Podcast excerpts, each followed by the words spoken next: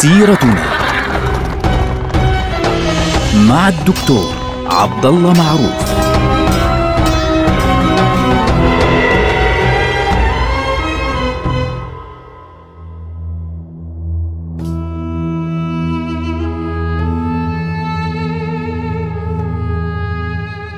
السلام عليكم ورحمة الله وبركاته. سيرتنا سيرة هذه الأمة ونحن الآن في عهد الدولة العثمانية وتحديدا في عهد السلطان محمد رشاد. بدأت الأمور تنهار مع آه، صعود السلطان محمد رشاد للحكم. نعم فترة السلطان محمد رشاد كانت فترة يعني ليست طويلة جدا ولكن في نفس الوقت كانت غنية بالأحداث المؤسفة التي كتبت نهاية الدولة العثمانية. كانت البداية عندما سيطر الاتحاديون اللي هم جماعة الاتحاد والترقي على الحكم مع إسقاط السلطان عبد الحميد الثاني في عام 1909 وتصعيد السلطان محمد رشاد الذي لم يكن بقوة السلطان عبد الحميد الثاني ولا آه، بحنكته من الناحية السياسية. طبعا هنا لا نتكلم عن شخصية السلطان من الناحية الأخلاقية أو من الناحية الشخصية. لا هو الرجل كان حتى مذكور عنه أنه كان آه، طيب المعشر كان لطيفا كان آه، يعني فيه لطف وفيه آه، دفء في التعامل. لكن لم يكن بالحنكة السياسية التي كان عليها السلطان عبد الحميد الثاني وبالتالي لم يكن قادرا على ضبط الأمور وإنما كانت جماعة الاتحاد والترقي كانت هي التي تسيطر بشكل شبه كامل على الدولة. طبعا نحن نقول بالبداية أنه شبه كامل لكن بعد فترة أصبحت تسيطر بشكل كامل على الدولة. كانت البداية مع تمرد ألبانيا في عام 1910 الذي يعني تعامل معه الاتحاديون بمنتهى العنف وبمنتهى القوة.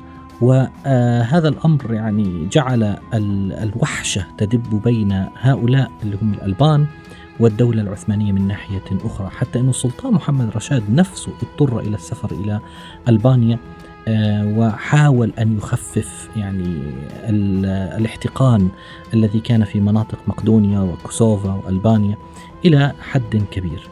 الآن أيضا وقعت الأحداث بنفس الطريقة في المنطقة العربية وفي منطقة شمال إفريقيا. كانت جماعة الاتحاد والترقي جزء من إدارتها للأمور كانت تقوم على فكرة الاعتماد على العنصر التركي. وهذه المسألة كانت مسألة مستفزة لغير الأتراك. يعني لما تيجي تتكلم عن محاولة تغيير الهوية العامة للشعوب الكثيرة المنضوية تحت لواء الدولة العثمانية فإن هذا الأمر سيؤدي بالضرورة إلى الوحشة ووقوع الوحشة فعليا بين هذه الشعوب والدولة العثمانية وهذا الأمر يعني طبيعي جدا طبعا في ذلك الوقت وجدت بريطانيا ووجدت إيطاليا ووجدت غيرها من الدول الأوروبية الفرصة السانحة لبدء العمل على تقاسم الدولة العثمانية. إيطاليا كانت أول من بدأ العمل بكل معنى الكلمة. السلطان محمد رشاد استلم الحكم في عام 1909 في عام 1911 يعني يا دوب بعد أقل من سنتين من استلامه الحكم كانت العملية العسكرية الكبيرة التي أطلق عليها في ذلك الوقت الحرب العثمانية الإيطالية أو الحرب الإيطالية العثمانية التي يطلق عليها أيضا اسم الحرب الليبية. هذه الحرب هي التي نعرفها فعليا يعني عرفناها وإحنا صغار لما درسنا التاريخ باسم الاحتلال الإيطالي لليبيا. كان ذلك في عام 1911 يعني كانت البداية في ذلك الوقت. الاحتلال الإيطالي لليبيا بدأ في شهر سبتمبر في ذلك الوقت. طبعا إيطاليا في ذلك الوقت كان يحكمها آه، طبعا المملكة على فكرة كانت لم تكن جمهورية مثل هذه الأيام كان يحكمها الملك فيكتور أمانويل الثالث. هذا الشخص هو الملك المسؤول عن آه، إيطاليا وكانت له طموحات في المنطقة التي تقابل إيطاليا في ناحية إفريقيا. وبالتالي كانت طموحات إيطاليا منذ زمن ليس بال يعني بالبعيد كانت منصبة على منطقة ليبيا باعتبار انه فرنسا تسيطر على الجزائر وتسيطر أيضا على تونس.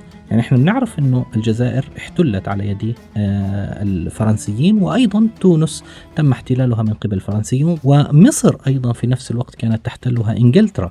فبالتالي من الدولة الوحيدة الباقية أو الجزئية الوحيدة لم تكن دولة كانت جزء من الدولة العثمانية كانت ليبيا.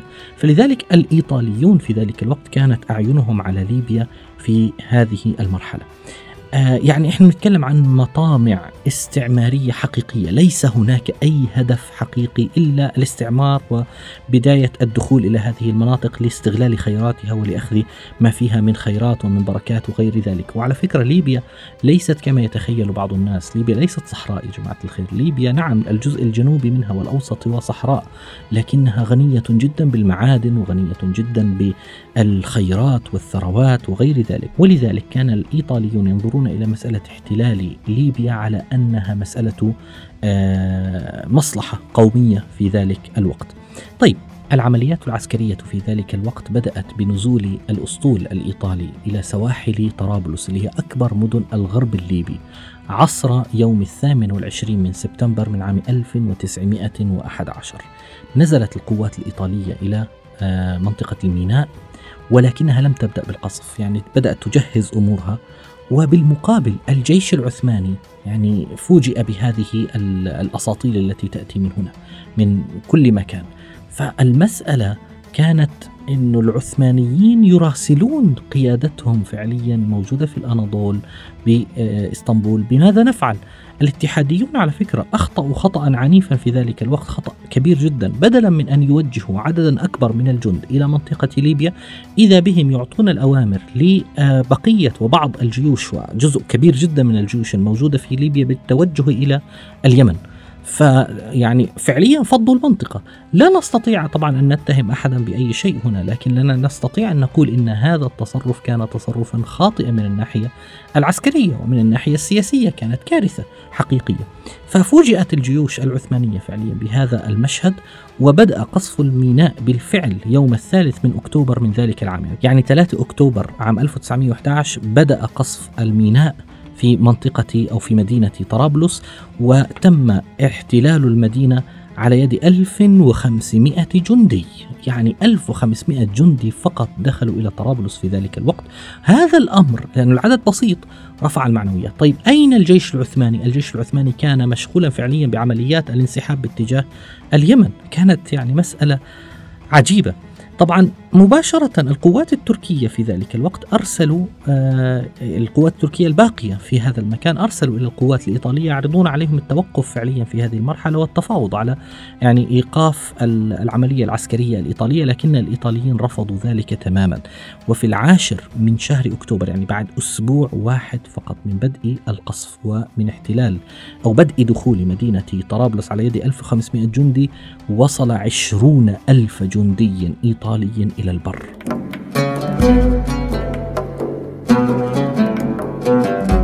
وسيطروا بكل سهولة على طبرق وعلى درنة وعلى مناطق كبيرة جدا بقيت فقط فعليا بنغازي. بنغازي طبعا من مدن الشرق الليبي من أكبر هي أكبر مدن الشرق الليبي. بقيت في ذلك الوقت وتأخر آه، السيطرة عليها تأخرت إلى فترة معينة.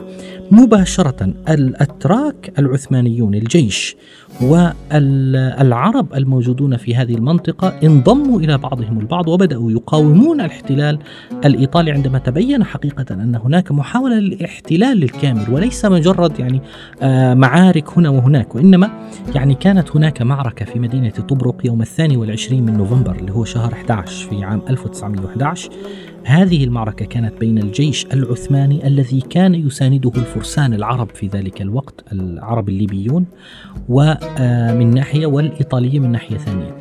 على فكرة قائد الحامية العثمانية في هذه المعركة في معركة طبرق كان مصطفى كمال. مصطفى كمال من هو؟ هو مصطفى كمال أتاتورك. هذه أول مرة يظهر اسم مصطفى كمال في التاريخ كقائد موجود في منطقة معينة. هذه المعركة انتهت فعليا بانتصار الجيش العثماني على على الجيش الإيطالي. طبعا مباشرة الإيطاليون ردوا بتوسيع عدد قواتهم إلى مئة ألف آه، جندي تحركوا بكل قوتهم بكل ما تحمل الكلمة مباشرة حتى وصلوا إلى السيطرة على كامل الأراضي الليبية مئة ألف جندي. توجهوا بكل قوتهم. طبعا معركة طبرق على فكرة يعني هذه كانت آه يعني ضربة قاسية لإيطاليا وهي التي تسببت فعليا في زيادة الأعداد بشكل كبير جدا. مباشرة أعلنت إيطاليا السيادة على ليبيا. أعلنت إيطاليا السيادة الكاملة على ليبيا ابتداء من شهر نوفمبر وبذلك دخلت ليبيا تحت الحكم وتحت الاحتلال الإيطالي بشكل كامل بشكل يعني رسمي. طبعا آه، لم تكن القضية بهذه البساطة يعني خلص أعلنت السيادة انتهى الأمر. لا بدأت المقاومة منذ ذلك الوقت وامتدت على مدار أشهر طويلة. فإيطاليا من هنا بدأت حروبها المتتالية ضد القوات العثمانية من ناحية وأيضا العرب الفرسان من ناحية أخرى حتى تستطيع أن تمد يعني سيادتها على طول الساحل الليبي. يعني وهذه المرحلة امتدت حتى شهر 8 1912 يعني المعارك استمرت تقريبا عشرة أشهر. يعني عشرة أشهر آه، القوات الإيطالية كانت تقتتل وتحارب القوات العثمانية من ناحية والعرب الليبيين من ناحية أخرى. ولكن أدى يعني بالنهاية أدى ذلك إلى تمام السيطرة على آه، المنطقة الليبية للأسف الشديد. طبعا هذه الحرب امتدت بين الإيطاليين من ناحية والجيش العثماني من ناحية أخرى حتى دخلت الدولتان إيطاليا والدولة العثمانية طبعا بقيادة الاتحاد والترقي يعني الذي كان يسيطر حقيقة على الحكومة العثمانية دخلوا في مفاوضات لإنهاء هذه الحرب وكانت هذه المفاوضات تجري في منطقة اسمها أوتشي. هذه أوتشي من ضواحي مدينة لوزان في سويسرا. انتهت هذه المفاوضات بين الطرفين في الثالث من أكتوبر من عام 1912 يعني بعد سنة كاملة من بدء القصف على طرابلس. بدء القصف كان في الثالث من أكتوبر من عام 1911 توقيع الاتفاقية اللي هي معاهدة أوتشي كما تسمى أو آه، معاهدة لوزان الأولى كما تسمى أيضا كان بعد سنة كاملة يوم الثالث من أكتوبر من عام 1912 ولكن للأسف هذه المعاهدة بموجبها انسحبت الدولة العثمانية من ليبيا. وترك الليبيون لوحدهم أمام الإيطاليين، لماذا تم توقيع هذه الاتفاقية فعليا؟ لماذا؟ لأن إيطاليا وجهت في ذلك الوقت آه، وجهت انذارا للعثمانيين بضرورة قبول مقترح الإيطاليين للمعاهدة والدولة العثمانية كانت منشغلة فعليا بالحروب الأخرى الموجودة في المنطقة والاتحاديون رأوا أن ليبيا خلص صارت مفصولة عنهم أصلا بمصر ومفصولة عنه بمناطق بعيدة جدا وأصلا هي واقعة بين الاحتلال الإنجليزي في مصر وبين الاحتلال الفرنسي في آه، تونس وفي الجزائر. ولذلك يعني قالوا الأفضل أن نمنح الاستقلال الذاتي لطرابلس وبرقة ونصت هذه الاتفاقية على ذلك أنه خلال ثلاثة أيام يلتزم السلطان محمد رشاد بمنح الاستقلال الذاتي لطرابلس وبرقة بالمقابل توافق الحكومة الإيطالية على أن يعين السلطان العثماني القضاة في مدينة طرابلس وبرقة ومختلف المدن الليبية باعتبار أنه والله السيطرة الدينية إن صح التعبير تبقى الإشراف الديني على هذه المنطقة فتخلى الاتحاديون عن ليبيا للأسف الشديد. طبعا مباشرة لم يقف الليبيون في هذه المرحلة يعني ساكتين أمام الأحداث التي تحدث. فبرزت المقاومة الشعبية في ذلك الوقت وكان على رأسها الرجل المشهور العظيم عمر المختار الحاج عمر المختار الذي لقب بلقب أسد الصحراء. طبعا هو ولد آه، في العشرين من أغسطس من عام 1861 لما نقول 1861 يعني في نهايات عهد السلطان عبد المجيد الأول وبداية عهد السلطان عبد العزيز. هكذا كان مولد عمر المختار في ذلك الوقت. هنا في هذه المرحلة بدأ عمر المختار فعليا كان يدوب بالخمسين من عمره تقريبا. بدأ عمر المختار مقاومة الاحتلال الإيطالي منذ وصوله إلى ليبيا في عام 1911 وبقي كذلك حتى تم القبض عليه رحمه الله وإعدامه في السادس عشر من سبتمبر من عام 1931 فبالتالي الغزو الإيطالي لليبيا لم يقابل بهدوء ولم يقابل ببساطة وإنما كان قد قوبل ب يعني عنف شديد من جانب القوات العثمانية التي كانت قد بقيت فعليا بالرغم من أنها انسحبت بعد سنة بموجب اتفاقية لوزان أو اتفاقية أوتشي التي ذكرناها. و آه، أو من جانب الشعب الليبي الذي كان يقوده في ذلك الوقت عمر المختار الذي استشهد في عام 1931 لتدخل ليبيا بعد ذلك في مرحلة جديدة من مراحل الصراع لأجل نيل الاستقلال الذي نالته بالفعل في عام 1952 لكن بالنهاية لم تكن هذه المسألة نزهة فعليا للإيطاليين وإنما كانت كارثة عليهم حقيقة كلفتهم كثيرا من الأحداث الكبرى. وكلفتهم كثيرا من القتلى وكثيرا من الخسائر. في نفس الوقت عانى أهلنا في ليبيا من المعتقلات ومن الشهداء ويعني وصل الأمر بالإيطاليين إلى مواصيل خيالية كبيرة جدا. طبعا خلدت أسطورة عمر المختار وجهاده ضد الإيطاليين في فيلم مشهور فيلم أسد الصحراء الذي يعني أنتج في القرن الماضي على يد المخرج مصطفى العقاد رحمه الله وكان ذلك مما ساهم فعليا. في تسليط الضوء على المآسي التي قامت بها إيطاليا في ليبيا التي قاومت حتى مع أنها بقيت وحيدة في الميدان قاوم شعبها حتى نال استقلاله بالفعل وهزمت إيطاليا في النهاية. نلقاكم على خير والسلام عليكم.